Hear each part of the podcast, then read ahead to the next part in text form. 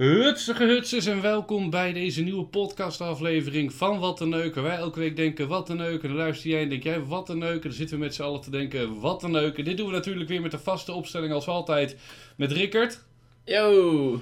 En uh, ikzelf, ja, is een beetje lullig om dit zo, maar ik zelf doe ook mee. Ik ben Ja, en, en dan dus eigenlijk misschien nog de derde amigo. Eh, ik heb gezegd, ik wil niet te veel aandacht aan besteden.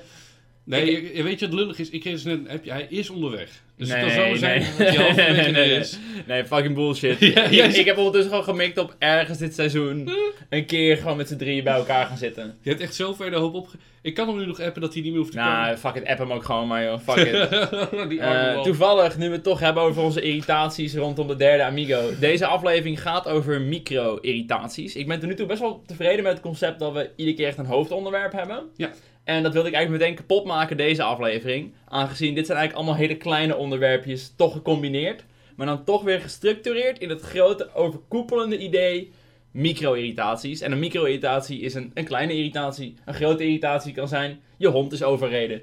Dat is best wel een groot, significant ding. Een micro-irritatie is eerder, ah, je bent naar huis aan het fietsen en dan valt net je mobiel uit. En dan kun je geen podcast luisteren. Ik ken het, want eh, de dokter heeft me ooit verteld dat ik een micropenis heb. Dus dat ligt ook Ja, in precies. die Dus-. Het, het, het formaat is gewoon kleiner van de irritatie. En het fijne aan de micro-irritatie is, je kan het verhelpen. Ik weet bijvoorbeeld, in de vorige aflevering hadden wij het over micro-irritatie van mij direct. Was mijn foto op mijn Wikipedia. Die is veranderd. Oh ja, die is veranderd. Die is veranderd. En mijn micro-irritatie, misschien wel toch een wat grotere irritatie, dat ik geen Wikipedia-pagina heb. Iemand vanuit de podcast heeft een Wikipedia-pagina voor me aangemaakt. En hij is gewoon nog steeds niet verwijderd. Dus ja, eh, vandaag is mijn onderwerp. Ik heb Bardo gevraagd een top 5 micro-irritaties te maken.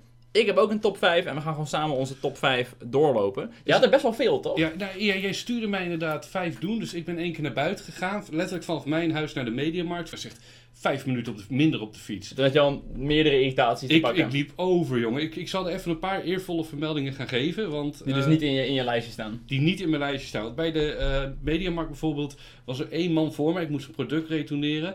En die man voor mij die was gewoon bloed geïrriteerd over het feit dat hij met zijn bonnetje terug de winkel in moest om bij de kassa zijn geld op te halen. Dus meer een micro-irritatie voor hem? Of was het voor jou de micro-irritatie Ja. dat deze man bestaat en zo moeilijk doet? Voor mij inderdaad de tweede, want die gozer die daar stond was gewoon een 22-jarige knaap in een Mediamarkt shirt. Die waarvan je weet, die moet gewoon de instructies opvolgen die hem zijn Ja, aangeleverd. tuurlijk. En vervolgens staat hij daar en zegt hij, fijne dag nog. En dan zegt die man terwijl hij wegloopt, ja nou dat zit er nu niet meer in vandaag hoor, het wordt geen fijne Ja, dag meer. ik vind mensen die gemeen doen tegen winkelpersoneel, dat is ook altijd wel een soort irritatie. Doe gewoon normaal. Die mensen die ook gewoon voor minimumloon gaan eh, te grinden voor een klein beetje money. En exact, maar dat gebeurde daar. Dus ik was echt helemaal perplex. Ik denk, jij bent zo'n lul. En het fijne was, en dat is het goede aan de micro-irritatie altijd. Tegelijkertijd keek er een man links van mij, die stond ook in de wacht. Hij stond samen te wachten, keek mij zo aan. En ik keek hem zo aan, een beetje oudere man, 30 denk Mhm. ik zo. Kaal of kaal. En hij zei, wat een lul. hè. Ik zei, ja, een zo? Zo'n micro-win is dat. Exact, waardoor, Een de, micro-gelukje. waardoor ook die kassenjongen, die had het ook door. En toen stond er een soort band, een soort Oh, driehoeksverhouding. dat is top. Dat is heel fijn. Waarvan je weet, oké, die ene kneus, die is gewoon weggespeeld nu. Jij hebt dus blijkbaar alles heel snel in elkaar geflanst. Mhm. Eén korte wandeling. Ik heb juist urenlang zitten filosoferen in mijn bed. En er zijn een paar dingen uitgekomen en dat wel heel herkenbaar is voor iedereen. Maar een beetje te makkelijk. Zoals mensen die muziek luisteren in de trein zonder hun oortjes. Dat ze gewoon... Nog erger eigenlijk mensen die mobiele games spelen in de trein. Ah. Met het geluid of hun WhatsApp geluid aan hebben staan. De hele tijd lang dat fucking geluidje. Ik word helemaal gek. Leuk dat je Clash of Clans speelt. Maar alsjeblieft, zet gewoon je geluid uit. Maar met name dat WhatsApp geluidje ga ik helemaal dood. En die tudutu. Het is ook echt een irritant geluidje gewoon. Ik weet niet of jij dat ook had, maar bij mij op school op een gegeven moment konden een paar mensen dat dan ook fluiten. En dan gingen ze het grappig doen door zelf dat kutding te fluiten. Dat iedereen zijn telefoon erbij moet pakken ook. En een andere die ik hier had, was puur omdat ik op de Twitter zat te scrollen. Micro-irritatie. Influencers. En sowieso influencers. In het algemeen, dat is wel een mega irritatie voor mij hoor. Maar dan eh, opgedeeld in twee dingen die ik heel irritant vond. Was allereerst de getallen. Influencers hebben echt iets met getallen. Dus, hè, oh kijk nou, mijn video die heeft nu 8000 weergaven. Ik ga viral. Ah, Oh, dat vind ik echt weer een micro-irritatie. Dat eh, bedrijven en media-outlets soms zeggen dat iets viral gaat. Er was een keer laatst iets met een artiest. Die was viral gegaan op Spotify. Ik check het nummer. 20.000 keer geluisterd. Ik denk, dit is niet viral. Iedere artiest pakt 10 keer zoveel als dit. Dit is niet viral. Hoe definieer je viral in de media? Het staat Nou, echt nergens het op. kan viral zijn als je uit Liechtenstein komt en je hebt een Liechtensteins nummer. Dan hè, Is het Liechtenstein... relatief natuurlijk weer heel groot? Ja, ja. Precies, de inwoners van Liechtenstein zijn zo laag dat het viral genoeg Maar wat had jij met influencers, dat ze dus heel erg focussen op getalletjes. Maar dat snap ik ook wel weer, want dat is ook waar je je deals vandaan haalt. Jij gaat naar Ja, een maar- bedrijf toe met, yo, Coca-Cola, 200.000 volgers, zak my dick. Maar ik weet, in de afgelopen twee maanden hebben we best wel vaak afgesproken om deze verdomde podcast op te nemen. Eh, en terwijl we dit allemaal hebben gedaan, nooit heb ik jou gehoord over getallen. Je hoort mij ook niet echt over getallen. Ik, eh, jij hebt één keer zitten flexen met hoe hoog we stonden in de ranking. ja, En ik heb één keer naar jou gestuurd van, ja, we zijn nu in totaal 15.000 keer beluisterd over de eerste drie afleveringen. Ja. Van, nou, gaat wel goed of zo. Ik vind het niet erg als je zegt: hey jongens, we staan trending, dankjewel. Hartstikke leuk, vooral doen. Eh, dat hebben wij, heb ik ook gedaan tenslotte. Maar ehm, ik vind het wel erg wanneer je gaat zeggen: Nou, kijk nou deze lijn, we hebben nu weer 8000 weergaven. Een uur later, we zitten nu op 12 en een uur later op 14. Ik vind het ook mooi dat je we zegt. Zeg maar dat, dat je als influencer zo van team maakt. Jullie kijken mijn shit, ik krijg geld, we zijn een team. Ja. Help papa rijk worden hier. We moeten het doen. Spek die bank alsof het niks is. En de tweede irritatie die ik erbij had opgeschreven, die ik ook verschrikkelijk vind, zijn die vakanties van influencers. Dat je dan 20 foto's ziet van één vakantielocatie of naar Aruba, Hawaii, Cuba is. Dat je denkt, waar gaat dit over, jongen? Doe gewoon één post voor één bedrijf, één keer. Niet de hele tijd op rij die post maken. Dat kun je dus heel makkelijk fixen, hè? Gewoon ontvolgen. Ik volg gewoon dat soort bullshit gewoon niet. Ja, oké. Als je alleen maar fucking foto's van je vakantie post, waar ik me kapot aan het zweten ben op Bardo stink in de kamer, dan ga ik je gewoon ontvolgen. Het is hier echt, jongen, het is warm hier. Het is ook een micro-irritatie. Ik ben dus vandaag helemaal in totaal rijk, ik denk vandaag 500 kilometer. Puur om naast Bardo te kunnen zitten, omdat ik denk dat de podcast dan beter wordt. Terwijl we ook gewoon kunnen zeggen, hé, we gaan even lekker via Skype of zo. Ja, en dat hebben we niet gedaan. We zijn van die sukkels die dit hebben. Wij denken dat dit beter is. Misschien moeten we een keer stiekem, jullie hebben toch geen beeld, een keer een aflevering op afstand doen. En dan kijken of jullie het merken. En als jullie het niet merken, dan... eh, misschien moet je even gokken welke aflevering van dit seizoen de aflevering op afstand is. En we kunnen er best eentje opnemen. Ik ben wel altijd voorstander van om in real life, zoals wij nu doen... En we te- kijken elkaar best wel eens in de ogen aan. We hebben die lichaamstaal. We onderbreken elkaar net iets minder vaak. Wat de kijkers niet weten, is dat we allebei nu geen kleren aan hebben en we zitten te fozen. Dus dat zijn dingen die toch Ja. iets toevoegen. Nee, dat is intimiteit. zeker een toevoeging. Zullen we gewoon beginnen met de top 5? Ja, doe dat. Mag ik, mag ik dan openen? Ja, ondertussen zal ik wel her en der een extra dingetje, want ik had er nog een paar extra dingen. Ah, nee, als jij nog een paar extraatjes hebt, doe die maar gewoon nu. Dan wil Oké. ik vanaf nu daarna gewoon echt alleen maar gewoon steady top 5. Oké, lees steady top 5. Dan, dan doe ik er twee laatste, daarna skip ik de rest. Sowieso had ik voor mezelf, ehm, best wel erg, maar Bohemian Rhapsody en Rocketman. Dat zijn namelijk twee films die uit zijn gekomen. De een gaat over Queen, de ander gaat over Elton John. En dat zijn net twee artiesten die ik heel veel luister.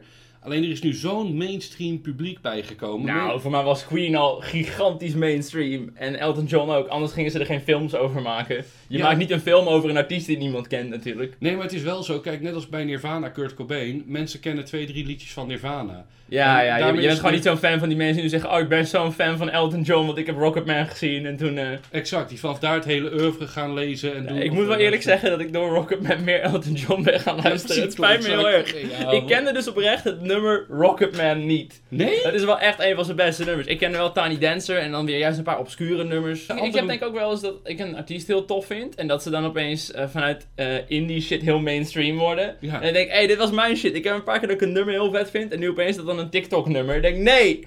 Nee! dan kom ik op mijn livestream en zeg ik, jongens, ik heb een vet nummer gevonden. Dan is iedereen, ja, maar dat is van TikTok, gast. Ja, nou, nee, dit heb ik, ik, ik ontdekt. Met mijn muzieksmaak heb ik deze parel gevonden. Wat kut. Ja, dat is dus gewoon verschrikkelijk naar. En de laatste die ik hier toevoeg, die ik niet verder rest benoem in de video. Vanochtend zat ik een eh, blikje Red Bull had ik gepakt. Ik had het jou al verteld voordat we dit gingen opnemen. Maar eh, ik pakte een blikje Red Bull en er zat een vrouw koffie te drinken. Volgens mij de vierde kop koffie die ze dronk op een dag. En die ging kritiek leveren op dat blikje Red Bull. En dat doet ze altijd als ik haar zie. En ik drink Red Bull, zegt ze altijd, nee, er zit zoveel suiker in. Dan ga je dood naar. Dat je denkt, ja, dat weet ik. Het valt ook best wel mee in vergelijking met cola hoor. Zeg maar, Red Bull is maar niet veel ongezonder dan cola. Dit, dit zouden we kunnen checken voordat mensen in één keer eh, de grote switch maken en de kilo's eraan vliegen. Maar voor mij valt het allemaal wel mee, behalve dat in Red Bull gewoon meer cafeïne zit. Is dat het, ja? Nee, maar in die koffie zit er ook achterlijk veel cafeïne. Ja, maar daar is niet zoveel suiker in. Ja, oké. Ik, ik weet niet zeker hoe de cafeïneverhouding daar weer is, maar ik wil, vind het gewoon heel erg irritant. Jij zei dat geloof ik ook eh, toen ik dit aan jou vertelde heel erg mooi. Alsof je tegen iemand die rookt gaat vertellen van, nou hé, waarom rook je? Daar kan je dood aan gaan. Ja, ik weet dat je er dood aan kan gaan. Hoef je me niet te benadrukken. Je kan wel lezen, het staat wel op de verpakking. Daarom, dat is geen wereldwonder. Sorry, dat was de laatste micro-irritatie. Dan voor, is, het, dan is het nu tijd voor de daadwerkelijke top 5. voor het echte werk. Oké, je trekt meteen je blikje Red Bull Ik, open. ik zit er helemaal klaar Wist voor. je dat er heel veel suiker in zit trouwens? Jij teringleier. Oké, mijn nummer 5 is redelijk specifiek. Ik heb een hekel aan matige volume leveling in films en series. Oeh. Denk bijvoorbeeld aan, aan de Batman film is een heel goed voorbeeld. Batman Oeh. die praat best wel fucking zacht. Die gast fluistert bijna alleen maar. Ja. En de actiescènes zijn boom, boom, boom.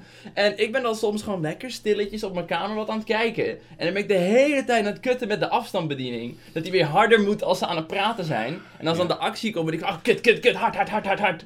Ja, maar dan zit je wel voor duidelijkheid in de nacht dat niemand wakker mag worden. Ja, maar ik vind het ook gewoon irritant. Ik wil gewoon graag dat het volume gewoon een beetje gematcht wordt. Die actiescènes hoeven voor mij niet tien keer zo hard. In de bioscoop is dat misschien vet. Maar als ik Mhm. thuis zit mag het best wel gewoon, net als reclameblokken, zijn vaak ook gewoon harder dan de programma's die je kijkt. Ik snap wel dat er een beetje uit wil knallen, maar kunnen die programma's nou niet zeggen, wij gaan ook gewoon weer harder of zo? Kunnen we dit niet gewoon fixen? Dat alles op één audio-level zit, ja. Ik geloof dat muziek, met muziek wordt dat geloof ik gedaan. Dat als je een muziekje zeg maar, in een audiobalk gooit, dat je zeg maar, kan zien de decibelletjes. Mhm. Dat dat bijna gewoon één groot vierkant is. Dat, dat blijkbaar een nummer veel lekkerder klinkt als het gewoon de hele tijd hard is. Ja, wauw. Sowieso weet ik dat wel. Maar ik vind het interessant, want ik heb deze irritatie zelf ook. Alleen veel minder heftig dan jij, geloof ik. Ik luister tegenwoordig veel meer films, of ik luister, ik kijk veel meer films met eh, mijn oortjes gewoon in. Ja. Een beetje bijna als een podcast, dan loop ik ook gewoon rond en alles. Ik, ik moet zeggen, de, ja, ik ken de irritatie, maar het is niet bij mij zo diep dat hij op nummer 5 zou kunnen komen van het En wat dan misschien ook nog wel irritanter is, is de leveling tussen dingen. Zoals dat niet iedere YouTube-video standaard even hard is. Dat je soms zo'n YouTube-video vindt van een klein obscuur kanaal. Dat het super zacht is. Dat je opeens in al je mixes overal maximaal volume open moet gooien. Ik heb nu een eh Chrome plugin gedaan. Dat wij gewoon nog extra je, je browservolume kan, kan boosten, zeg maar. Mhm. Ik ben in mijn livestreams de hele tijd het kutten. Te zacht, te hard, te zacht, te hard, te zacht, te hard. Ja. Kun je gewoon afspreken dat er gewoon één soort universeel volume is? Dat alles gewoon ongeveer even hard klinkt? Dat alles gelijk is aan elkaar. Ik ja. vind het gewoon heel kut dat ik de hele tijd met mijn knopjes moet draaien. Maar Heb jij hier vaker last van dan? Is het bij jou zo erg... eh, Nou, vooral YouTube-video's die opeens heel zacht of heel hard klinken. Nou, YouTube- Daar heb ik dat heel erg met de reclames op YouTube. Zijn die weer knijterhard? Ja, die knallen er af en toe in. En dat klopt, snap ik ook. Een YouTube-video heeft zijn eigen audioniveau. Dus als je als YouTuber je video 10 decibel zachter zet... en er komt een reclame tussendoor. Ja, Tering, ik schrik me de pleuris, jongen. Dat is niet normaal. dat snap ik. Maar-. Ik niet meer op dat... eh, Oh, sorry. ik leun op tafel. Ehm, zal ik de volgende doen? Ja, doe, kom, maar, kom maar binnen met jouw nummer 5. Je zat vooral te haten op mijn nummer 5. Ik verwacht wel echt iets goeds nu dan. eh. Ja, dan... eh poeh, dit wordt een eh, matige. Maar de boeken zijn beter. Dat hoor ik zo vaak. Oh, het argument, ja. De boeken zijn beter. En er zit meer lore in. Er zit meer diepgang in. Er wordt meer verdiept in de Ja, personages. en- Een boek is niet anderhalf uur. Nee, maar een film hoeft daarbij niet. Een film kan visuele diepgang geven. Een film kan met de muziek je meer meeslepen. En als ik naga met Game of Thrones bijvoorbeeld. Ik heb godverdomme daar nu acht eh, seizoenen van eh, tien afleveringen, één uur. Dat je denkt, ja shit, ik heb er zoveel van gezien. En als je dan praat met iemand, is altijd het eerste wat ze zeggen. Nee, maar de boeken zijn beter. heb je ook met Harry Potter. Jij bent een Harry Potter van. Ik ben groot Harry Potter fanaat. Eh, maar ik denk dat het daar ook wel voornamelijk gewoon is dat mensen de details gewoon heel chill vinden. Maar ook Ja. wel, ik, ik, ik had bijvoorbeeld zelf met Harry Potter 6, daar gaat het over Slaghorn. Hij wordt in die boeken beschreven als een gigantisch dikke man. Als in, een gegeven moment stonden ze in een winkeltje en als Slaghorn erin stond, kon er eigenlijk niemand meer bij. Zo groot was hij. Mhm. Dus ik had echt een soort Hagrid voorgesteld, maar dan nog veel ronder. En in de film is het gewoon een normale gast. Ik, ik kan me voorstellen, als je eerst de boeken leest, vorm je toch een soort beeld in je hoofd van hoe Zwijnstein eruit ziet, hoe de personages eruit zien. Als het dan opeens compleet anders is.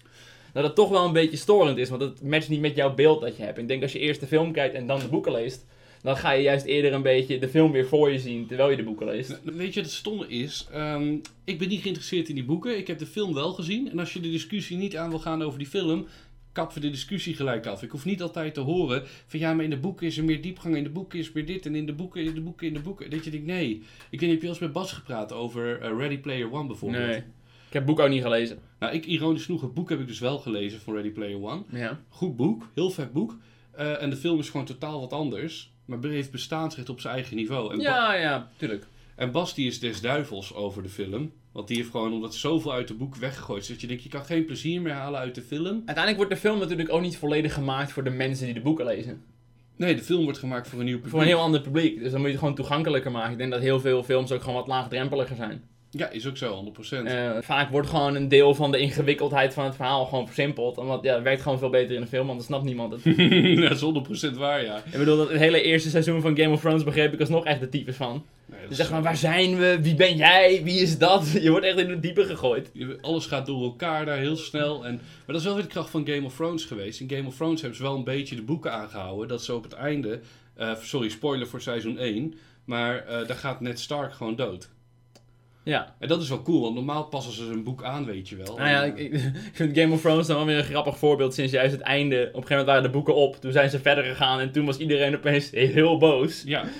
Hadden ze maar referentiemateriaal, eh, zeg maar. ja, dat is gewoon kut. Als, als je een afspraak maakt met iemand en die komt die afspraak niet na. Van ja, de boeken zijn echt wel af binnen een paar jaar en dan zijn die boeken niet af. Maar dat is mijn eerste irritatie dus van, hè, nee, maar de boeken zijn beter. Ik, ik word er zo moe van. Gaan we door naar mijn nummer 4. Ja. Ik ga dit eventjes visueel voor je uitbeelden. Je moet even je ogen dicht doen, goed Oké, nadenken. Ja, ja. Je hebt een stekkerblok. Ja. Zo'n mooie, waar zo vijf stekkers in kunnen. Mhm. Je doet zo'n paar stekkertjes erin, weet je. Je hebt allemaal shit op je kamer waar stekkers in moeten. Je computer, je beeldscherm, je andere beeldscherm, je Mhm. andere beeldscherm. Dan heb je altijd zo één zo'n stekkerblok die fucking breed is. Dat die zeg maar zo drie plaatsen inneemt waar ook een stekker in gekund had. Ja. Dat vind ik zo fucking kut. Ik blijf maar stekkerblokken kopen, omdat die dingen die erin gaan fucking breed zijn. En voor mij hoeft dat niet per se, want heel veel laptops hebben juist dat je dan iets later in de stekker dan in één keer zo'n gigantisch vierkant hebt. Ja. In plaats van, ik weet nog niet precies waarom die aansluitingen zo groot zijn. Is daar een reden voor? Kan dat weg? Alsjeblieft haal dat weg, want het is gewoon zonde van mijn fucking stekkerblok.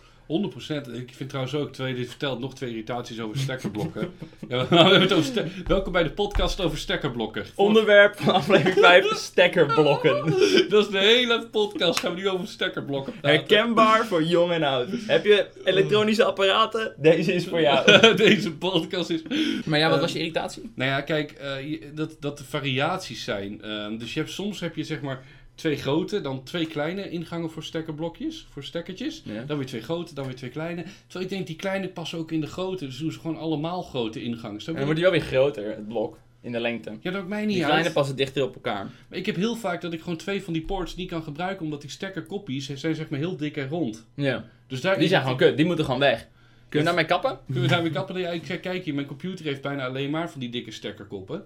Dus dat is een beetje... Het heeft vast te maken met dat eh, sommige dingen die meer stroom nodig hebben zo'n dikke kop hebben of zo. Dat moet het haast wel zijn, toch? Ja, maar dan als ze sommige dingen meer stroom nodig hebben, maakt dat ding ook voor alles wat meer stroom nodig heeft. Weet je, snap wat ik bedoel? Nee. Nou ja, maakt het niet uit. En een andere die ik, terwijl je dit vertelde, ik dacht, ja, dat is ook irritant, is het aan- en uitknopje bij een stekkerblok. Hoezo? Is wel chill dat je gewoon alles in één keer zo tak zo uit kan zetten. Ja, maar ik denk dat bij mezelf, doe dan gewoon lekker, eh, weet je, dat je stekker uit de muur kan trekken. Want wat er nu gebeurt, ik heb heel vaak gehad, zoals je hier ook al zien, de stekker is verbonden bij mijn bed, zeg maar. En mijn stekkerblok heeft een aan- en uitknop. En ik heb wel eens gehad, Maar dan laat je hem toch gewoon standaard aan en dan trek je hem daar toch gewoon eruit. nou ik heb dus je hebt die optie, je kan nog steeds hem gewoon uitzetten door gewoon de hoofdstekker van het stekkerblok eruit te halen. Dat, toch? dat is waar en dat doe ik ook heel vaak. Alleen wat ik, mij ook heel vaak is gebeurd, is dus dat ik eh, per ongeluk in mijn bed of zo dat ding uitdruk, op het knopje druk. Oh, je, je moet niet een stekkerblok daar hebben, joh. Dat is hartstikke gevaarlijk. Je gaat, echt omko- je gaat omkomen in een brand. Dat wordt jouw irritatie, denk ik. dat wordt mijn micro-irritatie, dat ik doodga in een brand met een Voor je stekkerblok. doodgaat. Het is niet waar je je stekkerblokken neer moet leggen. Ik had nog een kleine eh, extensie hiervan. Wat ik ook super irritant vind, is dat we nog steeds geen universele kabeltjes hebben. Fucking USB-C, micro-USB. oh nee, ik heb iPhone, ik heb weer dit kabeltje. Dat we nog steeds niet gewoon met z'n allen hebben afgesproken. We kiezen dit. Ik stel voor, voor mij, voor mij gaan we langzamerhand wel naar USB-C. Omdat die kan ook ondersteboven erin, wat altijd Mhm. wel heel chill is. Hadden we niet gewoon al 20 jaar eerder kunnen zeggen: Dit is een goede kabel, het is klaar. Mee eens. En vooral bij Apple, je had een tijdje toch dat gewoon iedere iPhone nog weer een ander kabeltje had. Ja, weet je ik Wel ooit... een drama, joh. Ik heb dus ooit meegemaakt dat ik bij Google langskwam. Eh oh, kijk mij Stoer, stoer. Fancy fancy, fancy fancy. Maar, ehm, en dan hadden ze zeg maar een, een treetje staan langs de muur. En dan kon je gewoon je telefoon opleggen en dan ging je opladen. En ik vond dat zo cool en futuristisch, dat ik denk, sowieso kabels moeten helemaal weg. Ik ben 100% tegen elke vorm van kabels. Ja, het enige probleem met dat draadloos opladen is dat het voor mij... Je gaat gewoon heel veel energie verloren in dat proces. Dus het is gewoon veel makkelijker om het eh, met een draadje te doen. Voor het milieu en zo. Maar als ik hier- sneller waarschijnlijk. Als ik hier nu kijk op mijn bureau, ik zie zo 4, 5 kabels liggen. En ik krijg echt heel erg jaren 80 vibes daarvan. Een soort Back to the Future. Ja, ik blijf me. ook maar gewoon micro-USB-kabels kopen. Zo'n dat stuk en zo. Het is echt gewoon troep. Hetzelfde. En ondertussen zitten er allemaal arme diertjes in te stikken. Maar we raken wel steeds meer kabels kwijt. Steeds meer dingen kunnen wel gewoon draadloos gefixt worden inderdaad. Wat heb jij thuis ook gewoon één tas staan ergens met alle kabels erin? Ja, ik heb vooral echt een tas met alle kabels waarvan ik niet eens meer weet waar ze zijn. Maar als ik dan ooit Ja, ja. iets vind met, oh kut, waar is de lader? Dan kan ik zeg maar zo graven in een tas met 30 verschillende kabels. Ja. Met, ik heb ook dan altijd weer dat ik mijn laptop lader zoek en dan vind ik weer de drie laders van mijn vorige laptops Oh. van 10 jaar geleden. Ik heb echt een hekel aan het feit dat kabels niet gewoon universeel zijn. Dit is heel, heel herkenbaar hoe je dit ook vertelt inderdaad. Want ik heb Ik heb één, nou niet hier, maar ik heb één hele grote tas ergens staan. En daarin die is tot de nok toe. Weet je, zo'n action tas, zo'n plastic tas. Helemaal vol met kabels. Echt jongen, dat je denkt als je daar ooit iets in moet vinden. Ik ga waarschijnlijk ook niet eens proberen. Ik heb die tas met als ik hem ooit nodig heb, dan is hij hier. Maar waarschijnlijk dan koop ik gewoon een nieuwe of zo. Dan google ik wel gewoon eh, lader, deze laptop en dan tik ik gewoon 20 euro af. Weet je, het zou me niks verbazen als we ooit benaderd worden door de Expeditie Robinson of zo. En die zeggen van jou, mogen wij jouw tas hebben voor een nieuwe opdracht? En dan zeggen ze... Uit de knoop halen. Ja, precies. Zoek de Samsung oplader. Oh fuck, de Samsung Kut, kut, kut. Iedereen zoeken in die klote tas. Eh zal ik de nummer 4 erin gooien? Knal hem. De nummer 4, mijn micro-irritatie. De vierde is Surinamers. Nee, nee, nee, nee. Ik wou net zeggen, wat is dit nou weer? Wat is dit? Dat kan je niet zijn, nee. Eh, dat is eh, de eerste echte streep op mijn telefoon. Het is nu namelijk zo dat mijn telefoon, die heeft nu een, een streepje opgelopen. En ik ben daar zo van slag van, nu al twee dagen op rij. Dat ik denk, ik vind dit zo kut. Ik bedoel, jouw telefoon, ik was laatst bij jou. We hebben allebei een Huawei P30. China komt binnen. Huawei, hè? Huawei. Maar, eh Huawei, Huawei. Eh, maar dat is dus, het kutte is, toen ik bij jou was, pakte ik per ongeluk jouw telefoon één keer op. En ik schrok me dood, dat ik dacht, is mijn telefoon zo kapot? Maar dat was die van jou. Ja, mijn telefoon heeft echt meerdere krassen en deuken in het scherm. Eh, en dat boeit mij niet zoveel. Nee, maar mij boeit het ook niet. Althans, zolang die, eh, als die verder Jij vindt een paar dode pixels minder erg dan dat je door dit hele gebroken glas dat hele stuk ook niet kan zien. Eh, nee, dat vind ik minder erg. Alleen mijn wijne was nog maagdelijk. Die had helemaal niks, nul. En nu heeft hij in één keer één zo'n krasje hierin. Zie je daar zo'n piepklein krasje? Ja. Dat is nog niet eens een centimeter. Nee, ik zou er echt niet van wakker liggen. Nee, maar het is nu wel, bij mij is het altijd zo, als er dan iets kapot aan is, dan is het hek van de dam. en Ja, dan- ga je er wel gewoon mee gooien. Dat, dat is wel herkenbaar. Dat als er eenmaal een krasje op zit, dan mag het ook gewoon kapot. Exact, En dat niveau heeft het nu bereikt. En denk ik, oh nee, ik heb hier twee maanden lang zo Dus erg... over een paar weken moet je gewoon een nieuwe telefoon hebben. Dat ding is niet meer te gebruiken gewoon. Het is wel zo, ik heb laatst ook een heel mooi horloge gekocht gekregen en gedaan. En toen ik daar op een gegeven moment mee rondliep, ik ben zo mogol, dan moet ik dus mijn arm de hele dag beschermen, omdat ik bang ben dat mijn horloge tegen de muur komt of zo. Vast. Dan moet je gewoon echt geen horloge dragen. Is meer een handicap dan een, eh, iets waar je van kan genieten. Want hoe vaak heb je bij me de horloge zien lopen? Gozer, wat de fuck Nooit. is het nut van een horloge? Je weet toch gewoon hoe laat het is? Ik vind wel voor, ik heb altijd dingen om mijn pols, hè, dus dan is het heel fijn. eh. Ja, oké, oké. Maar nee, dat is dus voor mij was dat een beetje dat ik dacht, ja, dit is eh, zowel mijn telefoon als mijn horloge. Ik haat krasjes, want vanaf daar gaat het alleen maar van kwaad naar erger. En dan is het hek van de dam en eh, huilen, jongen. Heb je zin in mijn nummer 3? Eh, heb jij nummer drie? Ik heb een nummer 3 ook gewoon klaarstaan. Geen Surinamers. Het is niet Surinamers. Ehm, mijn nummer 3 is, ik ga het nog een beetje toelichten, maar rare babynamen. Oké. Nou, snap ik een klein beetje de keuze voor een unieke babynaam. Bijvoorbeeld, als je je kind Jan de Vries noemt, is het gewoon onhandig, want er zijn gewoon 100 Jan de Vriezen. Mhm. Dus in dat opzicht is het chill als je kind een beetje een unieke naam heeft. Maar ik heb toch het gevoel alsof heel veel ouders het net een beetje te erg pushen en er echt gewoon een, eh, een orgie van maken met letters. Het is gewoon kut als je kind iedere keer moet uitleggen waar je naam dan vandaan komt, hoe je het dan precies schrijft. Dan kun je als ouder één keer heel cool doen met de geboortekaart van kijk, mij is origineel zo en ik heb zelf wat bedacht. Nou heb jij natuurlijk ook best wel een unieke naam. Maar Ja. bij jouw geval vind ik het anders, want bij jou is het, zit wat achter. Je hebt gewoon iets gepakt uit een soort mythologie. Eh, uit een andere taal. Dat vind ik heel anders dan dat je gewoon zelf... Zoals voor mij dat kind van Gerspardoel. Zijn kind heet geloof ik Goud. Goud? Zijn kind heet Goud. Echt waar, ja? En dan heb je Xes Xava, weet je wel, van, eh van Jolante En natuurlijk van eh, Kim en Kanye. Die heet North. North, ja. Nou, Maar Nor- daar heeft ze- North, North vind ik nog wel kunnen. Oh, Northwest Ja, natuurlijk. Northwest. Ja, Dat je denkt, ja, mm, oké, ik weet niet. Ja. En die eh, van Elon Musk, de meest bekende nu. Ja, maar voor mij is dat van Elon Musk dus gewoon een, een marketing stunt. Want voor mij, eh, iemand had gezegd volgens de wetgeving van waar zij dat kind hebben verwerkt, mag je helemaal niet je kind zo noemen. Er zijn gewoon best wel regels voor. Oh? Dingen zoals getallen en zo mag gewoon niet in de naam van een kind. Dus waarschijnlijk hebben ze gewoon gezegd van hé, dit is soort van de bijnaam die je ons kind geeft. En eigenlijk heet dat Johan Marcel of zo, weten wij veel. Oh, dus Elon ging gewoon voor de memes. Die ging all out. Nou, dat- wat het ding is dus vooral dat eh, BN'ers doen dit gewoon heel vaak. Hun Hmm. kinderen lijpen namen geven. En het zijn dan toch altijd voor mijn gevoel soms ook een beetje van die BN'ers die net wat extra aandacht kunnen gebruiken. ik geloof dat Katja Schuurman is de afgelopen week bevallen. En haar kind heet Coco Lulu. Ik heb sowieso gewoon een hekel aan je kind twee namen geven.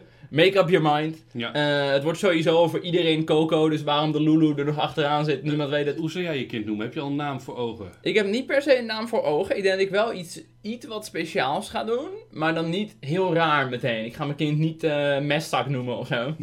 Storm, Higgy, higgy, oh, ook een kutnaam vind. Boy, vind ik echt een Oh, kutnaam. ja, ja. Sorry voor de boys die, die nu luisteren. Enige ding is wel, als je doodgaat, alsjeblieft, zet in je rouwadvertentie, je boy is niet meer. je boy is niet meer mooi. Ja, nee, ik, ik weet voor mij bijvoorbeeld, ehm, als ik een dochter zou krijgen, Zinzi. Zinzi, oké. Dat is de dochter van Nelson Mandela. Is dat dan, is dat dan met, met twee zetten? Ja, Z en de, Zinzi. en de Griekse ei op het einde. Ah, oké. Ik zou dan denk ik wel gewoon een i gedaan hebben op het einde. En ik zou als jongensnaam heel cool vinden Woody. Als Toy Story? Ja, maar dan, kijk, in mijn geval, Ik, ik ken een Woody, was wel een coole gast. En dat- in mijn geval krijg je dan Woody Allens. Woody Allen. of Lily Allens, vond ik ook heel cool. Oh, dat vind ik ook wel kut hoor. Ja, vind je zo dat het niet kan? Wat Ja, je- ik vind het wel funny. Wat- eerlijk, wat vind je van mij? Nou, ik heet Bardo Allens. Ik vind Bardo echt een vette naam. Wel, het is wel gewoon duidelijk hoe je het schrijft. Dus je krijgt niet dat het een naam wordt, zeg maar. Mhm. Dat het, oh, hoe schrijf je dat? Ehm, dus het is wel in principe nog wel een redelijk normale naam. Mhm. Behalve dat ik gewoon geen andere Bardo's ken. Als ik die naam zie, denk ik niet meteen, huh, wat een rare naam heb je of zo. Het is een Nee. naam die niet veel mensen hebben, maar het is niet per se een rare naam. Weet je wat ik me wel eens af heb gevraagd over mijn eigen naam? Of ik gediscrimineerd zou worden als ik ga, ga solliciteren ergens. Want dat Bardo Allens, het is zeg maar niet... Het is niet volledig eh, buitenlands, maar het is ook niet heel erg Nederlands. Snap je wat ik bedoel? Want je hoort heel veel mensen altijd zeggen van... Ja, met een buitenlandse naam heb je moeite met solliciteren voor nieuw werk. Ik denk dat dat vooral is als je Ahmed of Mohammed heet. Ik denk dat als je Bardo heet, gewoon denken, ah, zal wel ra- rare ouders hebben of zo. Zo, al die gasten waren waarschijnlijk knijterstoot. ja, joh. Want jouw broertje heeft ook een normale naam, toch? Mijn broertje heet Dennis en ik heet Dennis. Rick. Oh, Dennis is wel heel erg apart. Dennis de Menace. Dennis de Menace, ja, mijn broers die heten Jentel en Caron. Eh, en Jentel is voornamelijk heel veel bij vrouwen te horen, maar eh, toen hij geboren was, was die naam... Maar dat vind ik ook wel een onhandige. Zeg maar namen die, die genderneutraal zijn. In principe voor je kind heel handig. Eh, als ze in één keer nog met een, met een gender in de knoop lopen, Mhm. heb je, kun je je naam gewoon houden. Chill. Misschien dat je dat ook juist niet wil. Dat je juist ook een beetje voor je gevoel een andere identiteit wilt. En dan dus ook van die naam af wil. Ja. Maar ik vind dat namen zoals Robin vind ik wel onhandig. Ik vind het toch wel chill dat je gewoon een naam meteen weet of het een man of een vrouw is. Ja, Robin, René. René is ook... René is ook wel zo'n zo'n naam die inderdaad... eh, True. Aan de andere kant, weet je, als je dit nu luistert en je hebt je naam voorbij wil komen, aan de andere kant boeien, het is je naam maar. Ik denk aan de andere kant, als ik een rare naam zou hebben, zou het me ook niet heel veel boeien. Nee, want vind jij het jammer dat je nu een hele erg mainstream naam hebt? Ik vind, ik vind Rick wel chill.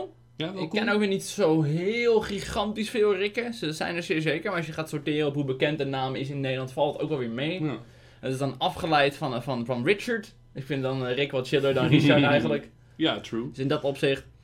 En ik ben wel benieuwd, even terug naar de kern, want waar zit voor jou de micro-irritatie in? Ik denk vooral als ouders zich bijzonder willen voelen en dat dan gaan projecteren op hun kind door voor een eh, bijzondere naam te kiezen, Ja. zeg maar. Je vindt eigenlijk dat ouders hun verantwoordelijkheid moeten nemen dat dat kind voor de rest van hun leven ermee rond Ja, jij hoeft er niet mee rond te lopen, weet je. Ehm, ja, ik heb... Ik, ja, ik kan nu heel veel voorbeelden gaan noemen, maar het zijn dus dusdanig unieke namen dat de mensen met die namen, die ken ik gewoon, die naaien er ook meteen heel erg bij. die Er zijn niet heel veel mensen met dezelfde naam, dus dan wordt het wel meteen heel duidelijk om wie het gaat. Nee, ik snap wat je bedoelt. Nee, dat is een beetje het rottige. Een En kind... sommige namen werken ook gewoon niet echt lekker als je eh, of heel jong of heel oud bent. Ja, Zeg maar zo'n naam zoals, eh ik zit een beetje te denken aan een beetje oude mannennamen gewoon. Jan, een. Hendrik of zo. Het is Ja. gewoon een beetje weird als een kind van één Hendrik heet. Maar het is nog veel kutter als je 50 bent en je naam is Bappie of zo. Maar wat vind jij van de juniors dan? Ik vind junior gewoon wat chill. Ja, dus als jij een kind zou krijgen... Rick Ik zou mijn kind niet snel Rick junior noemen, maar het chillen is wel dat junior valt toch weg. Dus Rick junior noemt zichzelf gewoon Rick. Ja, ik snap wat je bedoelt. Het is wel een klein beetje verwarrend. Ik ken natuurlijk eh, de zoon van Walter Kroes, Walter Kroes. Oh ja, Hij ging dus laatst een restaurant bellen. En dan zegt hij, hallo, met Walter Kroes. En hij heeft dus echt soms gewoon dat, dat zeg maar, de eigenaar van het restaurant zegt, ja, ik heb hier echt geen zin in vandaag. En dat ze gewoon ophangen, want ze denken dat hij een prank call doet. Jezus, wat, wat cool en wat kut en wat lullig voor die knaap. En ik zou wel zeggen, ik zou mijn kind niet zozeer Bardo junior noemen, maar ik zou wel willen kijken of ik hem een, eh, naam kan geven als Super Bardo of Super Saiyan. Ja, nee. Dat je denkt, Echt. Bardo Ik, Saiyan. ik, ik, wil, ik wil echt geen kinderen met jou, mogen dat duidelijk zijn. Oh, kut, we waren net aan het voorbereiden. Wat vind jij ervan als mensen een kind een naam geven van een serie? Dus hè, stel, ik ga het niet doen, maar als ik een kind krijg dat ik hem Goku noem. Nou, ik denk dat het ook een beetje afhangt van hoe dik het erop ligt dat het van die serie is. Dan hele... Ja, Als ik een kind krijg, ik noem hem Ash. ik vind dat wel kunnen. Ik weet van mij, had Robin Williams niet? Dat, eh, eh, Zelda. Zelda inderdaad. Ja, ik vind dat best wel kunnen. Ik denk dat als je heel erg fan bent van, van een bepaald iets, dat dat best kan. Zolang de naam niet heel raar is. Je kind Darth Vader noemen is weer een beetje, een beetje too much. Maar als je je kind Luke noemt, omdat je eh, Luke Skywalker heel vet vindt. Anakin? Ja, ik, ja, ik, weet, ik, weet, ik weet niet precies. Ik weet ook niet of Anakin heel cool is of niet. je, moet, je moet je kind natuurlijk niet vernoemen naar een lame karakter van de serie. True, true. Eh, zullen we trouwens doorgaan naar de volgende? Want nu gaan we mijn top 3 binnen, de nummer 3. En dit wordt er een. Bereid je voor. Hier komt die. De kritiek verdraaien voor je eigen agenda. En die moet ik even uitleggen. Die moet je want- zeker uitleggen, want ik heb geen idee wat je bedoelt. Nee, daarom. Ik, zo stond hij opgeschreven. Maar eh, ik ben natuurlijk een fanatiek Pokémon Go-speler. En eh, dat doen we dan met een hele grote groep hier in Deventer. En daarmee spelen we dan. En we hebben echt alle soorten mensen in die groep. Het is één leuke, grote, gekke groep in Deventer. En op een gegeven moment waren er ook twee eh, transgender mensen bij. Oké. En die wa- was een koppeltje, die hadden met elkaar. En in Pokémon kan je dan een raid doen, waar je met z'n allen gaat vechten tegen een Pokémon. Sta je met 20 man. Ja. En eh, in de zomer, dat was twee jaar terug, dus in die zomer waren er ook heel veel kinderen bij. Want kinderen hebben dan vakantie, die kunnen, gek Mhm, genoeg, je zou mhm. denken dat ouderen werk hebben, maar die zitten allemaal Pokémon te spelen. Eh, en op een gegeven moment stonden we daar dus. En hun stonden in een hoekje samen de hele tijd te fozen Dit koppeltje. het koppeltje te zoenen en te doen. En op een gegeven moment zag, lag ik ook in de app mee. Kwam, ontstond er een ruzie, want iemand zei... Ja, mijn kinderen zijn hier in de buurt. eh. Precies, de kinderen stonden erbij. Willen jullie niet meer zo fozen en doen bij die raid? Want dit kan gewoon echt niet. Er zijn kinderen bij. Waarop hun zeiden, ja hoezo? Hetero-koppels doen dit ook. En wij, omdat we transgender koppel zijn, mag dit niet. En- jouw punt was nou, meeste, als een hetero koppel, daar heb ik het ook een probleem gevonden, zeg maar. Exact. En dat is wat ik bedoel. Dus verdraai niet kritiek die je binnenkrijgt om je eigen agenda te vorderen. Want dat is een beetje wat daar gebeurde waar ik me heel erg aan irriteerde. Dat mensen dus de kritiek die binnenkomt niet zozeer serieus nemen, maar eerder zeggen: ja, maar hoezo? Nee, wat hetero's doen is kut. Wat homo's doen is kut. Ja, het is niet meteen een excuus. Het is niet, eh, oh, is het omdat je, omdat je iets tegen trans mensen hebt? Helemaal niet. Nee, want op een gegeven moment waren wel de, de beheerders van die groep werden uitgemaakt voor transfoben en alles. En dat je denkt, ja nee, maar nu, nu ben je dus letterlijk het punt wat ik had. Die kritiek aan het verdraaien voor je eigen agenda. Ik moet wel zeggen dat ik in heel veel situaties, er zijn kinderen bij, echt een zwak argument vind. Mhm. Denk dat het kinderen echt vaak veel minder boeit dan dat de ouders denken dat het ze boeit. Ik zou niet snel eh, flinke liters heroïne gaan wegspuiten in- voor de neus van een kind. Maar Nee, kinderen kunnen echt wel wat hebben hoor. Nee, maar je bent het toch wel met me eens dat als je dan een Pokémon staat te vangen met z'n allen en er staan twee mensen in een hoekje zo samen. Ja, ik weet, ik weet niet, ik weet niet hoe, hoe flink het fozen ging. Of, eh, het was in ieder geval goed zoenen en een beetje wrijven. Dat je denkt, niet, niet, niet, niet wrijven over de geslachtsdelen, maar wel wrijven over het ruggetje. En, Zou je nog een ander voorbeeld kunnen verzinnen hiervan? Eh, geef me even een minuut. Ik had het echt puur hier even op Ja, neem, neem de tijd, neem de tijd. Uh, Dit knip het er wel uit. Ja, ik weet wel, er was dus laatst in de supermarkt, eh, dat is oprecht, liepen twee jongens, of drie jongens in totaal, maar twee getinte jongens, één witte jongen. En die waren aan het kutten en aan het klooien en aan het doen. En op een gegeven moment kwam de filiaalmanager erbij. Die zei er wat van. Mag ik even, en die wou ook in hun tassen kijken, want dat klopt ook, want hun waren echt aan het kutten en het klooien. Zei, mag ik even in jullie tassen kijken? En hoezo dan? Dit kan toch niet, hè? Dit is, eh, je bent eigenlijk pro- etnisch profileren. En ja, ik snap dat je dat denkt. Alleen aan de andere kant snap ik ook heel goed hoe die filiaalmanager erover denkt. En uiteindelijk, ik heb ze niet meer weer gezien. Ik zag alleen nog een politieauto erbij komen. Dus, dus ik had zoiets bij mezelf. Ik, ik denk dat ik wel weet hoe dit is afgelopen. Plus, er stond ook een witte jongen bij. Die witte jongen werd ook gewoon gefouilleerd en die moest alle spullen afstaan. Ja, dan, dan vervalt de, de racismekaart wel een beetje, hè? Ja, maar dat vond ik ook een beetje, want je krijgt dan kritiek. En die kritiek ben je dan aan het verdraaien, puur en alleen om je eigen agenda weer te vorderen. En anderen weg te zetten als iets wat ze niet zijn. Alleen in dit geval, als je dan aan het kutten bent, als je dan aan het provoceren bent, ga dan niet lopen janken achteraf en wees gewoon een man en zeg: Oké, kut. Oké, oké. Wat heb jij dit? Heb jij, niet, heb jij geen voorbeelden of iets dat je denkt. eh, Ja, ik denk dat in principe er in het algemeen wel heel veel voorbeelden zijn die ook een beetje zijn in de zin van... Oh, is het omdat ik X of Y ben? En dan nee, in principe niet. Nee. Je bent meer, ja, je wordt gewoon beoordeeld op, het, op hetgene wat je doet en niet zozeer... eh Er was toevallig net iemand die zei dat, ja, nee... Dat was een of andere rechtse gekkie die zei, ja, nee, het is alleen racisme als een wit persoon een zwart persoon doodt en niet andersom. Ik denk, nee, voor mij is het voornamelijk racisme als je iemand doodmaakt op basis van rasovertuigingen. het is niet zo dat als een wit persoon een zwart persoon doodmaakt, dat automatisch eh, racisme is. Kan ook gewoon ruzie hebben en dan iemand doodmaken. True, dat kan ook gewoon. Soms wil je kritiek geven op bepaalde dingen, maar dan ben je ook weer bang dat het tegen je gebruikt wordt. Dat er gezegd wordt van ja, dit is allemaal inderdaad omdat het een huisverheefde vrouw is of van wat dan ook. Zo ik denk nee, is gewoon oprecht. Je hebt gewoon het gevoel alsof je niet altijd je volledige kritiek kan geven, omdat mensen je dan uitmaken voor seksist, racist, transfoob. Exact. Terwijl iedereen, weet je, dat is het hele ding. Ik kan me niet eens indenken dat mensen op straat of leven met een ergernis naar hun buurman. Dat je dan thuis zit en denkt, oh, ik woon naast twee homo's, ik kan dit niet. Of naast twee moslims, ik kan het niet. Dat kan ik me niet eens indenken. Echt niet. Ken je in dat je zo bekrompen thuis op je reet zit? En dat je dan Nee, nee, dan gaan ze zitten, zitten zoenen waar mijn kinderen bij zijn. Dat, eh oeh. Wat gebeurt er? Er lopen twee mannen hand in hand over straat. Dat kan toch niet? Er zijn echt mensen die dan zeggen, er zijn kinderen bij. Dat is een beetje mijn irritatie van, boeien. Wat moeten kinderen halen uit twee mannen die hand in hand lopen? Ja, dit bestaat. Daar heb je wat geleerd aan je kind. Leuk toch? Oké, zullen we doorgaan naar mijn nummer 2? Oeh, is het een goeie? Nee. Oké, dan gaan we door naar nummer 1. Nee, nee, nee, nee. Ik ben benieuwd. Ik ga naar nummer 2. Oké, nou mijn nummer 2. ik was best wel een tijdje bezig met het maken van deze lijst. En ik, mo- ik moest er nog eentje hebben. Ik had er al vier. En ik miste een beetje die laatste. Toen Mhm. dacht ik, ah, dat doe ik morgen wel in de auto naar Bardo toe. En ik zat net in de auto te denken van, ja, kut, kut, kut. Waarom heb ik dit uitgesteld? En toen bedacht ik me dat een van mijn grootste irritaties is mezelf uit het verleden. Echt een gigantische klootzak. Ik heb zo vaak de mentaliteit van, weet je wat? Ik doe het morgen wel. En dan komt morgen en denk ik, godverdomme.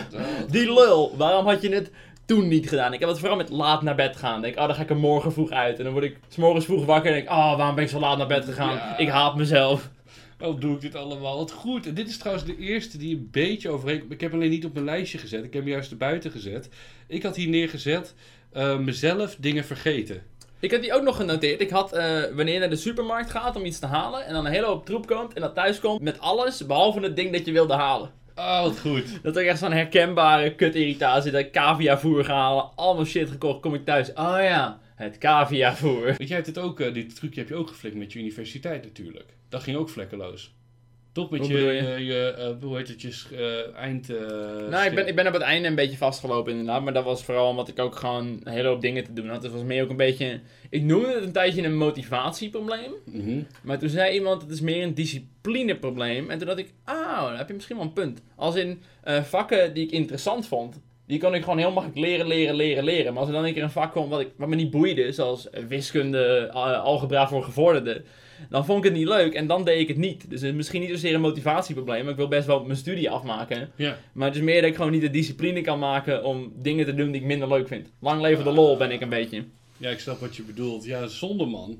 Maar, Ja, ik, ik, ben nu, ik ben nu afgestudeerd voor de duidelijkheid, dus eh, zo zonde was het allemaal niet. Dat alleen, eh, dat alleen sneller gekund. maar je weet wat het ding is met micro-irritaties. hè? Het fijne aan micro-irritaties is dat er een oplossing voor is. Ga je dit oplossen? Want dit is er eentje. Als je jezelf irriteert, kan je het jezelf ook oplossen. Als je begrijpt wat ik bedoel. Ik denk dat wat je dan gewoon nodig hebt, is een live coach. Gewoon naar Instagram, ga een beetje scrollen. Zie je vanzelf van die mensen die niet echt wat bereikt hebben, maar jou wel kunnen helpen om wat cools neer Van te die zetten. Gary V-types. Ik weet niet of ik Gary Gewoon V... van, van die gasten die drie keer een dropshipping bedrijf hebben gestart. drie keer is het geflopt en dan heb je het zogenaamd doorverkocht of zo. Ik heb drie keer mijn bedrijf verkocht. We hebben Joey Bravo in gesprek. Hey Joey. Oh, dat is wel echt een micro-irritatie van mij hoor. Zeg maar mensen die heel cool doen met succes op iets wat echt heel makkelijk is. Zoals het enige wat Joey Bravo doet is gewoon eh, goedkope horloges voor veel geld verkopen. Ja. Nou, dat is best makkelijk. Ik vind dat niet per se dat je dan moet flexen met... Ja, jongens, ik heb gestreden voor dit geld. Je had gewoon één keer een kut idee. Je hebt geen moreel besef, dus je verkoopt het gewoon door aan je volgers. Ik, ik kan ook wel gewoon iets wat heel weinig geld is... voor heel veel geld verkopen en daar rijk mee worden. Maar dan voel ik me gewoon een beetje een lul of zo. Nou, je zo hoef je niet over je eigen merchandise te praten. Daarover gesproken, er komt misschien wat een leuk merch. Ja, we zijn nu aan het kijken om misschien eh, het logootje, de wat de neuk in word art... of we dat niet gewoon embroidered, zeg maar, ge, genaaid op... eh, hoodies kunnen verkopen. En hebben we toch nog een beetje een manier om iets van geld uit de podcast te trekken. En hoef je niet ergens een soort de Patreon te steunen of zo. Nou scheelt het dat ik heb geld zat natuurlijk. Maar we willen graag dat Bardo nieuwe stoelen kan kopen. Want dit is echt... Dit is een drama. We zitten hier allebei ook echt muisstil. Deze microfoon kan ook beter! Ja, dit is echt zo'n drama. Weet je wat het grappig is? Terwijl we dus heen en weer gingen er net, eh, zakt die stoel hierachter weer helemaal uit elkaar, zie je? Jullie zouden echt een keer een foto van Bardo's stoel moeten zien. Dit is echt het meest sneu wat ik ooit gezien heb. Het is helemaal aan elkaar getaped en... eh, Er zit echt vies veel tape. Ik heb nog nooit zoveel tape op een stoel gezien. Als jullie merchandise willen, doe even een tweet of een Instagrammetje naar Rick of naar mij en dan weten wij ook de interesse erin. Ik heb eh, die connecties voor die merchandise, aangezien ik verkoop dus zelf ook al merchandise. Dus in principe is het, eh, ja, het is gewoon een designtje maken, een paar testrondjes doen om het, of het een beetje leuk uitziet en eh, verkopen die meuk. Laat even weten of je het daadwerkelijk zou kopen. Ik vind het idee van gewoon een hoodie met alleen maar wat de neuk erop wel eh, pakkend. Ik vind het wel cool, we hebben een mooi logootje. En Rick, je, jij, hebt- of je zei dat natuurlijk in je stream en toen stuurde ik jou al direct een appje dat ik zei, geld verdienen over andermans werk? Ja, doen. Want jij hebt het logo gemaakt. Dus in Ik heb het logo gemaakt, ja. Dus als jij nog ook die distributie opzet, zou ik zeggen, wauw, wat gebeurt er? Ehm, nummer twee voor mij, sorry, want we gaan heel ergens anders over dan net. Ah, boeien. Eh, dit is er weer een, eh, een mooie aparte. Ehm, wil ik trouwens even heel snel tussendoor voor jou zeggen. Ik draag nu een shirtje, maar dat shirtje is niet oorspronkelijk met een tijgerprint of zo. Dit is echt, het is hier zo Ja, het is echt vies warm. Het heeft niks te maken met mijn tweede punt, het was wel een beetje. Maar eh, mijn tweede punt is namelijk hele grote irritatie, gingers. Nee, nee, nee. Je kan die grap niet twee keer maken, het is gewoon flauw. Nee, we gaan voor de derde keer. Dan wordt het weer. Ik geloof in die cirkel van humor. Dat nee, ik weer- niet. Ik geloof daar echt niet in. De tweede is free the nip. Ja, vind je dat erg? Eh, micro-irritatie, ja. En dat bedoel ik. Nu klinkt het heel erg alsof ik tegen tepels ben. En ik zeg, berg ze op.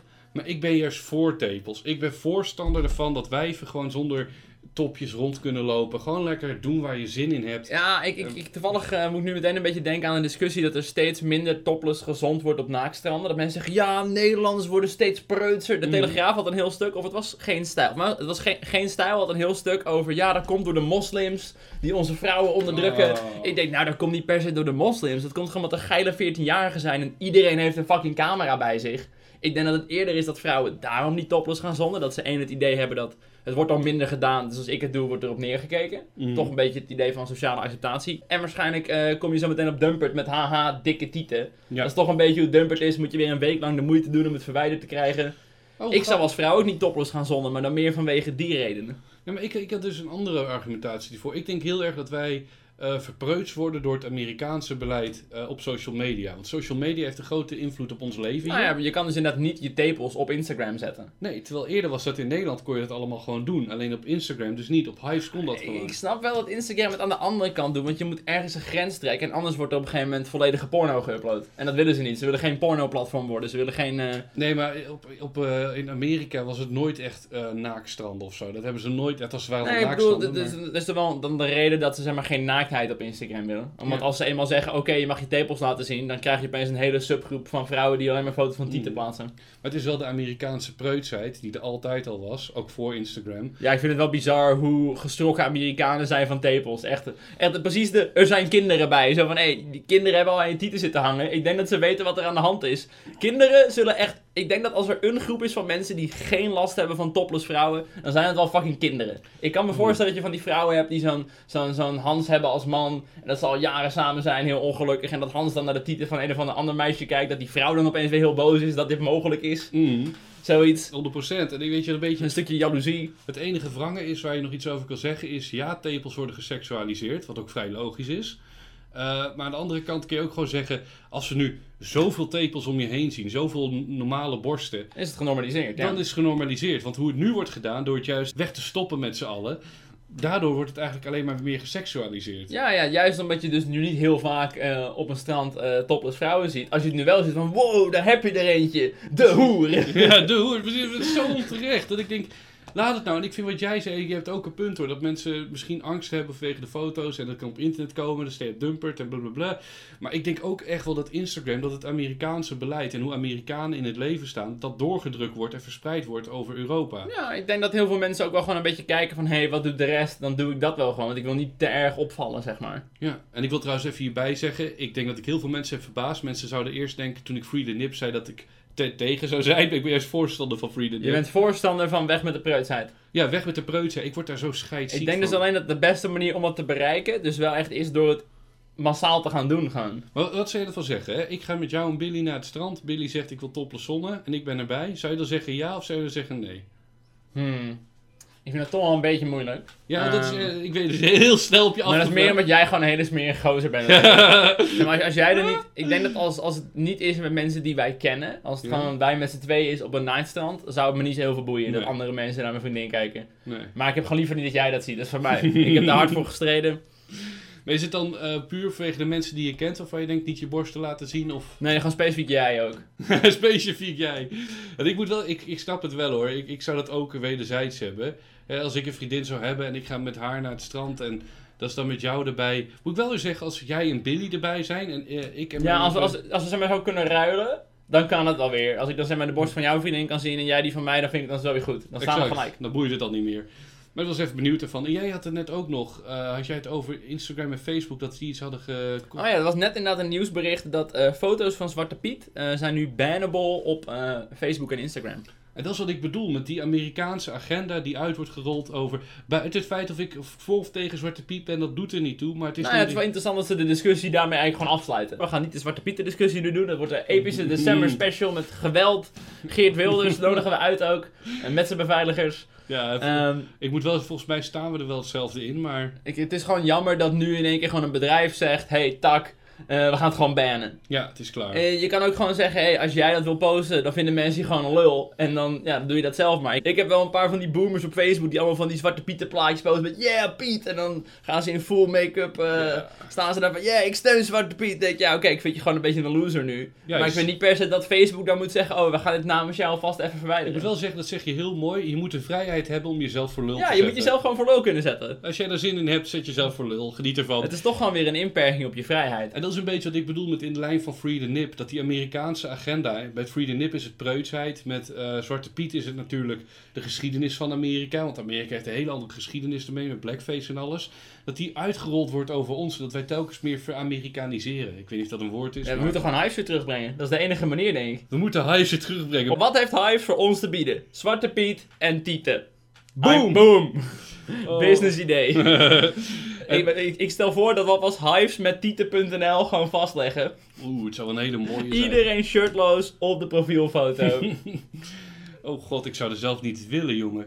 Maar eh, ik ben wel benieuwd. We gaan nu naar de eerste. Ehm, voordat, eh, heb jij echt een hele goede eerste? ik heb wel echt een hele goede Oh, wacht, eerste. zal ik die van mij eerst doen? Want die van mij is een beetje dat je denkt, nee. Oké, dan heb ik nog even één eh, soort eh, net niet eerste. Ja, oké. Bardo die zich eh, niet goed voorbereidt op de podcast. Oh, oh, wat de hel is dit nou? Een dolkje Ik verwacht rug. van jou gewoon echt een hele goede eerste. Ik verwacht een solid top 5. Ja, kijk, mijn eerste is meer... eh, Ja, het is een micro-irritatie, maar dit is iets wat heel veel is gebeurd de laatste weken. Oké. En dat zijn eh, de, de strepen in de supermarkt. Ah. En Ja. dat is met name, en dit is een hele moeilijke vraag. Ik heb dit aan heel veel mensen gesteld. Soms valt die helemaal goed, soms valt die helemaal fout. Maar wat zij betekenen die strepen in de supermarkt voor jou? Hoe zie jij die als je erheen loopt? Ja, ze zijn wel een beetje verwarrend. Zeg maar, moet je dan zeg maar, de voorkant van je winkelwagentje tegen die streep parkeren? Moet ik op de streep gaan staan? Het is voor heel veel mensen ook onduidelijk, waardoor je alsnog niet echt die anderhalve meter hebt. Exact. Maar ik denk dat het toch wel helpt door mensen te herinneren van vergeet niet, we proberen hier op afstand te staan. Nou, het punt is Of het dan precies lukt, eh, iets van afstand is beter dan niks in ieder geval. Het punt is een beetje dat het valt mij op, heel veel mensen denken, ik heb twee strepen, dan staat de kassa's daar zo tegen, dus twee strepen met dat, dan voelt het al veel meer als een vierkant. Alsof je in dat vierkant mag, bewegen. En stel jij staat in een vierkant en ik, en jij staat tegen de achterkant van jouw vierkant ja, ja. en ik aan de voorkant van de mijne, dan staan we tegen elkaar. Het helpt als je een winkelwagentje hebt, dan heb je sowieso al best wel wat afstand, want een winkelwagentje zit ertussen. Maar als je er weer één zo'n gast hebt zonder winkel, eh, die gewoon een mandje heeft, Ja. en ik sta achter mijn winkelwagentje, dan staan we eigenlijk weer naast elkaar natuurlijk. Exact. En dan sta je eigenlijk ook met je rug voor die van mij. Want als jij met je winkelwagentje op het beginpunt van de streep staat, dan sta je met je rug dus tegen mijn streep. Snap je wat ik bedoel? Ja, ja, ja. En ik had dus laatst in de supermarkt één iemand en die zei: Nou ja, sorry meneer, ik vind dat je weer heel dicht tegen me aanstaat nu. Waarop ik zeg: Ik sta op mijn streep. Ga dan naar jouw streep. Je streep Maar zit. stond hij dan te dicht op jou eigenlijk? Hij Stond hij achter je? Hij stond middenin. Hij stond midden tussen die twee strepen in. Dus maar, maar wie stond er vooraan in de rij? Eh, diegene vooraan in de rij was al bij de kassa. Ja, wie, stond hij voor jou of jij Ah, voor hem? Hij stond voor mij. Nou, dan moet jij toch afstand houden? Hij kan toch niks doen Nee, aan zijn hij- locatie in de Hij rij? had één streep duidelijk voor zijn neus. Als ik naar achter zou gaan, dan moet ik die vier mensen achter mij vragen om ook weer naar achter te gaan. Omdat iedereen er netjes op Nou, zijn die streep gast schuift gewoon niet op. Nee, ik bedoel, dat is een beetje het rottige. Want die twee strepen samen, die lijken er af en toe op vierkant. Ja, ja, ja. En Dat als je, nou, dat is een beetje het hele ding. Dat ik denk, ga op die streep staan en dan ben je overal vanaf. En dan ga je niet zeiken tegen anderen. Zoals die man dat deed. Ja. Want Die man die stond in het vierkant en niet op de streep, als je begrijpt wat ik bedoel. Ja, ik snap hem. Sorry, ik, ben er, hoort- ik word ik mezelf dat ik furieus word. Ik had laatst wel ook een soort kleine corona-ruzie. Ik, eh, ik was bij het tankstation en ik pak eigenlijk altijd gewoon die tank waar je gewoon je pinpas erin propt en je kan gewoon meteen Mhm. betalen, maar die was even bezet of dicht of zo. Dus ik moest binnen, moest ik tanken. Ik was eerst al bijna weggereden, maar ik gewend ben om altijd gewoon van tevoren te betalen dan te tanken. Dus ik ging een beetje verward, zo van, oh ja, shit, nog even betalen, loop ik dat tankstation in. En precies op dat moment, ik zag het niet zo goed, met zo'n eh, automatische opengaande deur, kwam er net een vrouw uit. Dus we, we schampten eigenlijk een beetje zo langs elkaar. Mm, ja. En want ja, wist ik veel. Ik had haar gewoon oprecht niet gezien. En die vrouw werd gek en zo, hé, mijn anderhalve meter. Eerst mensen eruit, dan mensen erin. En ze begon echt te schreeuwen, joh. Echt, ben je helemaal gek geworden? En toen op een gegeven moment eh, stapte ze heel boos in de auto. Echt een lelijke afgetrapte auto, kindje voorin ook. Ging ze, zei ze letterlijk tegen mij, ik hoop dat je het krijgt.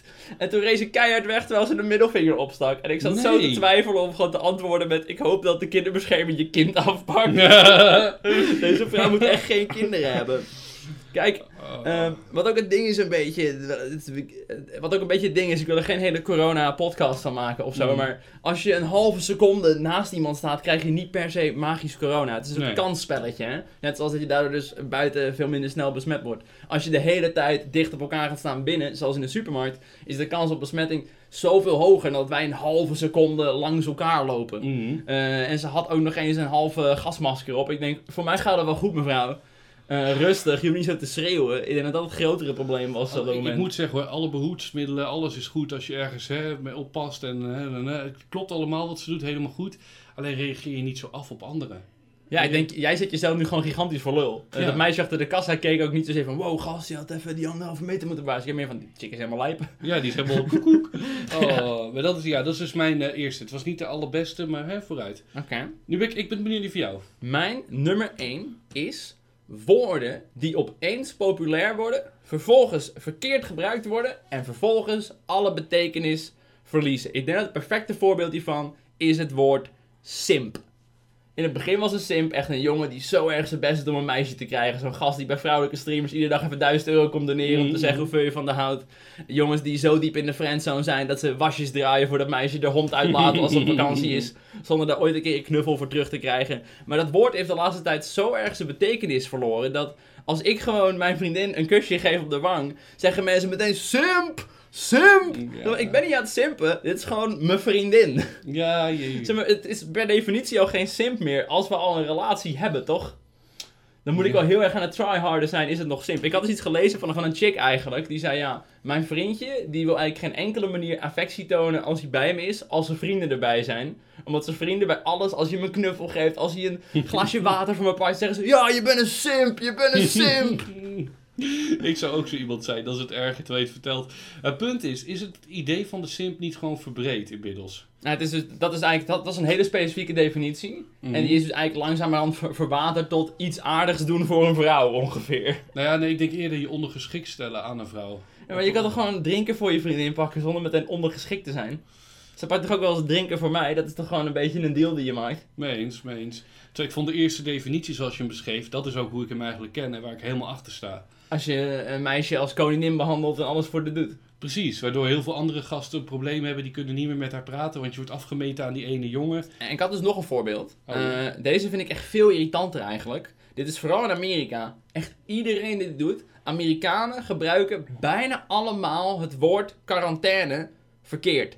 Vind het super irritant. Wat dan? zeggen gewoon de hele tijd van ja, I'm eh, four weeks in quarantine now, quarantine update on the TikToks. Dat ik denk, je bent niet in quarantaine. Quarantaine is wanneer jij of een van je familieleden corona heeft en je komt je huis niet uit. Wat jij doet is gewoon zoveel mogelijk thuis blijven. Dat is niet hetzelfde. Het wordt de hele tijd verkeerd gebruikt. Het is juist zo'n belangrijke term dat mensen het verschil weten tussen thuisisolatie, social distancing en quarantaine. Die twee door elkaar halen is super onhandig. Ja, is dat zo? eh, Ja, ik snap wat je bedoelt. Ik snap, je legt leg je goed uit trouwens. Maar is dat voor jou een eh, grote irritatie? Ik zie het de hele tijd verkeerd gebruikt worden. Ik word er helemaal gek van. Ik, zo ingewikkeld is het niet. Quarantaine is als je corona hebt. Dan ga je in quarantaine. Of dus als je uit een risicogebied komt en dan moet je thuis een aantal weken jezelf even weg wegstoppen. Ja. Als jij gewoon in de supermarkt mag, dan ben je niet in quarantaine. Ja, true. Alleen moet ik wel zeggen, ik, ik snap het wel. Het wordt allemaal eh, gesensationaliseerd. Eh, zeg maar, op je TikTok zeggen, oh, ik word zo gek van de quarantaine. Klinkt cooler dan, ik word zo gek van thuisblijvende. Ja, ik- Klinkt gewoon cooler, maar het is niet de juiste term. wat zonde. Ja, maar ik vind wel, eh, ja, ik snap wat je bedoelt. Ik vind die van de Simp een beter voorbeeld. Interessant ook.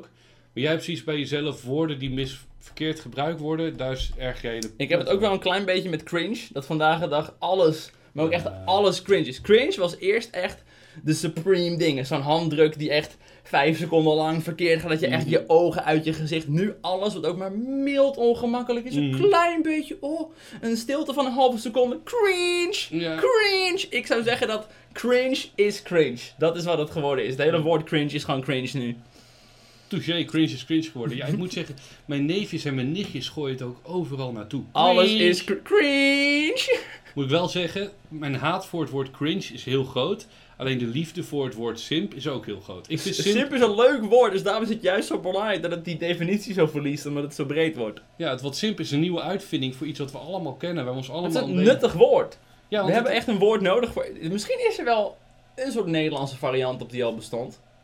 Is dat zo? Nee, toch? Ja, zeg maar, slijmbal komt dan in de buurt, maar het kan ook gewoon niet naar een soort... Simp heeft wel een soort romantisch iets erin. Een slijmbal kan ook gewoon zijn dat je Bardo heel leuk vindt en dan zegt, hey Bardo, kijk al je video's, je bent de beste. Ja, oké. ja, maar simp heeft er romantisch iets erin? En meestal is Simp wel het idee van man naar vrouw, zeg maar, er zit een soort relatiecontext in, toch? Ja, maar het is niet tweerichtingsverkeer. Het is één richtingsverkeer. Ja, in de Simp is echt romantiek. eenrichtingsverkeer, ja. Ik bedoel, maar denk jij, kunnen vrouwen ook simps zijn? Want nu is dat nog niet zo. Maar ik denk dat er misschien nog een verandering in zou komen. Er zijn echt wel vrouwelijke Sims, denk ik hoor. Ja, neem bijvoorbeeld voor, eh, in, eh, uit onze tijd, hè, jongens, we zijn al oud. Maar One Direction, Harry Styles. Heel veel vrouwen waren daarvoor een simp. Ja, maar dat is meer gewoon fangirl, denk ik. Dan ben je meer gewoon... Ik had dat werk, eh, het zusje van een vriend van mij, die was er heilig van overtuigd toen ze 14 was, dat ze ging trouwen met alle vijf de jongens van One Direction. Ik denk, nou nou, je moet wel wat vlees in de kuip hebben dat ze alle vijf, ze kunnen ieder meisje krijgen, dat ze alle vijf voor jou kiezen. Maar ik waardeer de motivatie die je hier hebt. Dat wordt één heftige huwelijksnacht. Maar dat vind ik niet per se simpel, dat vind ik meer gewoon heel onrealistisch. ja, dat is gewoon eh, niet meer bij de benen op aarde lopen. Nee. Maar is, ja, wat jij net zei is wel een beetje zo. Kijk, mannen die zijn sims en vrouwen zijn meestal fangirls daarin. Ja, maar dat is meer dat mannen die simpen, zeg maar, wel gewoon iemand die ze kennen. En vrouwen die gaan meer voor... Om een of andere reden zie je op het internet veel meer meisjes die, zeg maar, eh geilen op een Harry Styles. Dan dat jongens de hele dag zeggen, ja, ik vind deze chick zo lekker. Jongens zeggen wel onder, onder- onderling van, nou, ik vind, vind deze, ik vind Duitse Kroes een lekker wijf of zo. Ja. Maar die, zijn niet, eh, die hangen niet allemaal foto's van Duitse Kroes op hun kamer. En zijn verhalen aan het eh, schrijven waar ze een relatie hebben met Duitse Kroes en ontmaagd worden door Duitse Kroes. ja, tienermeisjes zijn er veel, gaan er veel verder en veel uitgebreider mee. 100%. Die, die zijn de hele dag aan het dagdromen over deze relatie. Terwijl je gewoon denkt, ja, ik wil, ik wil, ik wil die chick gewoon een keer pompen. Ja, even kijken wat er gebeurt. Dat is het idee. Nee. Ja, alleen dat is ook een beetje... Ik denk, wij mannen herkennen sommige dingen veel eerder bij andere mannen. En het is daarom vind ik het heel fijn dat we daar een woord voor hebben, zoals de simp. Dat je dus kan zeggen nu tegen elkaar, hij is een fucking simp. Dat woord was er eerder Het is niet. gewoon een scheldwoord nu ondertussen wel, ja. Ja, in principe wel. Want eerder was het zo van, ja, je ziet dat iemand heel erg naar aan het trekken en aan het zuigen is bij een meid. En nu heb je eigenlijk het woord ervoor om te zeggen, jij bent een simp. Ik had, ik had toevallig laatst had ik het eh, eh, in een video over woorden die we nog moeten uitvinden. Of, of ik, niet, ik, ik wilde graag een woord in de vandalen krijgen. Ik zag je tweet erover, ja. En toen kwam iemand met het punt dat vriendin zo'n handig woord is. Want je weet nooit of het nou een relatiecontext is. Of dat je gewoon een vrouwelijk persoon is waarmee je bevriend bent. Mhm. Of we daar niet zeg maar, iets op zouden kunnen verzinnen om daar nog even een soort harde lijn in te tikken. Oké, en?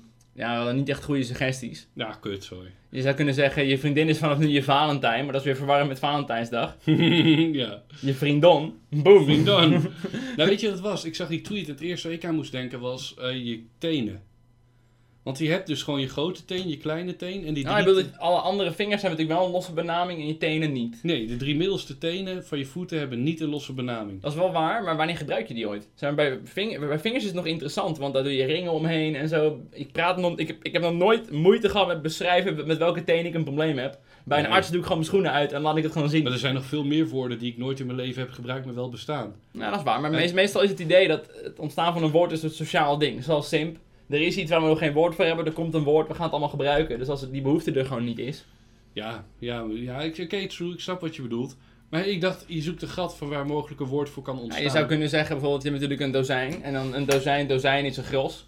En dan kun je weer een dozijn van een gros doen. Boom. Nieuw woord. Of het ooit nodig gaan hebben. Of het ooit een belangrijke term is. Geen idee. Maar je kan wel op die manier gewoon, hoppa, een nieuwe term. Een dozijn, dozijn. Een dozijn, dozijn, dozijn.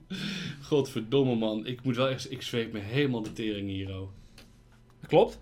Ben ik het mee eens? Heb je nog een eh, laatste... Ik heb nog één dingetje. eh. Dat vond ik wel interessant. Ehm, ik zag namelijk laatst iemand tweeten over wat ze noemden... eh, zo van de trolley problem 2.0. Ja? Maar dan is de trolley een winkelwagentje. En ik ben het dus afgelopen week, gisteren zelfs, voor het eerst tegengekomen. Het idee is Oh. als volgt. Ehm, bij de supermarkt heb je een winkelwagentje. Ja. Die moet je in principe weer terugzetten bij de andere winkelwagentjes. Ja. En vooral nu met corona, nu er geen muntjes meer ingaan. Normaal gesproken zet je hem terug, want je krijgt je geld terug. Best wel Ja. belangrijk. Maar vandaag de dag, je krijgt geen geld terug. In principe, als jij gewoon Albert Heijn uitloopt en gewoon daar zo tak bij de kassa je wagentje laat staan.